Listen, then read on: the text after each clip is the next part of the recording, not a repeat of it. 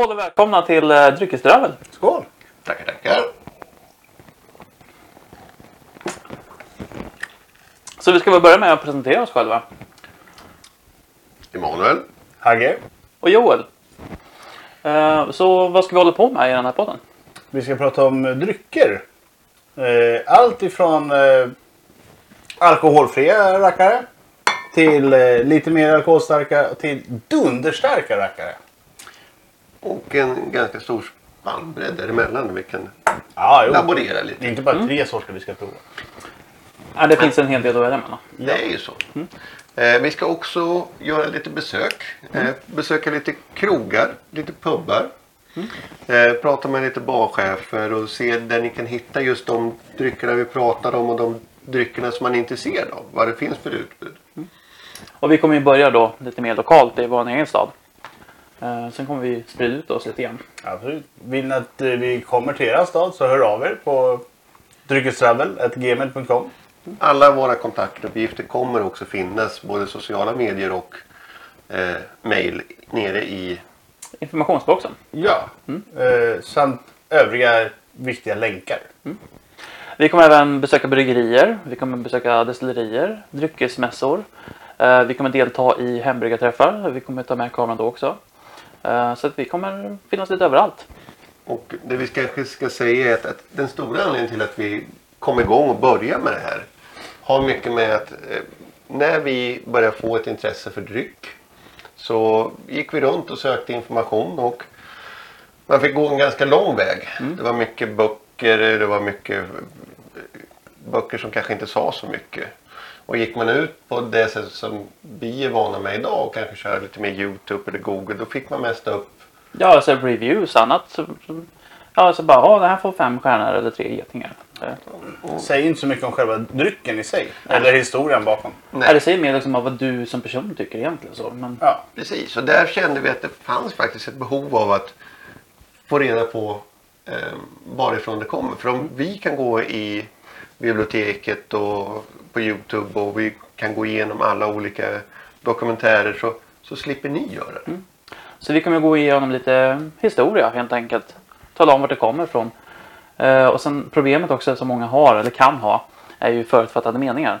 Eh, ta stout till exempel. Det är många som tycker att ja, men, den är för mörk. Men mörk är ingen smak. Så att, du vet ju inte förrän du har provat. Nej, Och det är en otrolig bredd där så att det kan ju vara från en söt stout till en väldigt torr rökig stout.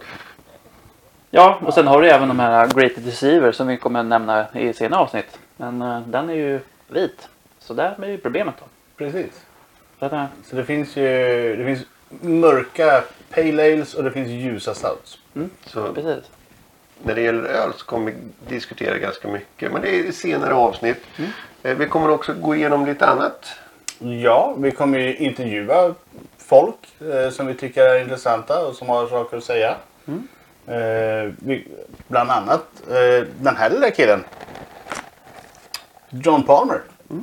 Eh, hembryggarguru. Eh, har ju skrivit eh, den här boken och har ni inte ha, alltså, har ni inte den så köp den. Absolut. Om ni håller på med hembryggning. kommer finnas länk till Eh, länk till eh, var man kan hitta den och eh, länk även till hans hemsida om man vill ha mer information om vad han håller på med nu för tiden. och eh, just hembryggning kommer vi också prata en del om. Absolut. Vi kommer även ta upp lite vad vi gör eller hur vi gör.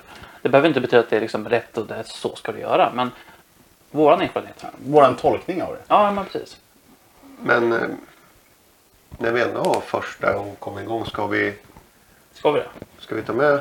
Nej. Ja, men en liten kan vi ta. Ska vi ta En, en kortis. Ja, ja, ja, men, ja, men det kör vi men, på. eh, vi tar eh, intervjun med Palmer och så får ni se lite Hur det kan vara. Eh, Sen kommer det vara lite olika längd på intervjuerna i framtiden. Men vi tar en kort intervju med John Palmer. Skål! Skål! Tack för att ni kom. This time we're at the Homebrew Festival and we're here with uh, I'm John Palmer, uh, author of How to Brew, and uh, this is my first uh, event in Sweden um, here at the uh, Imagine This Festival in Kumla. Yeah.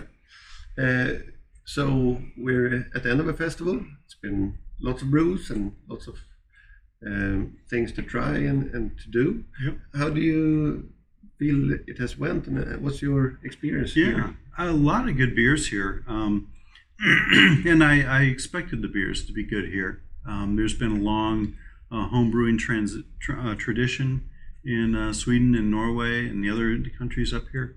So I knew the I knew the quality of the beers would be high.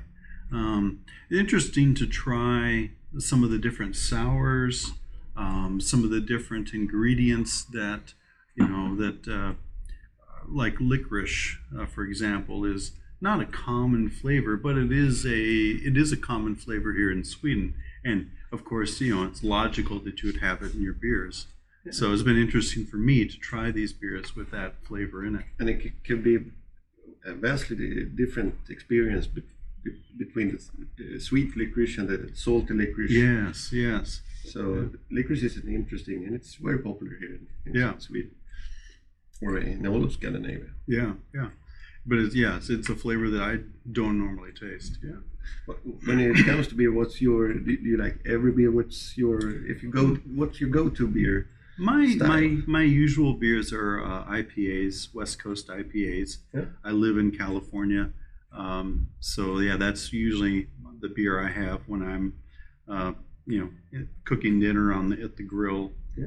out, out back, and uh, but I also like dark lagers like Munich Dunkel Yeah. and um, oh American Dark and stouts. I like Guinness Stout and you know stuff like that too. Well, Uh, I usually always say every every beer has its day.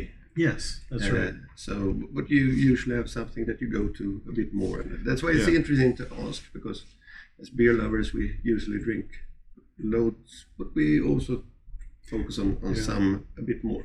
Yeah. It's funny. I mean, it depends a lot on what I'm cooking that evening too.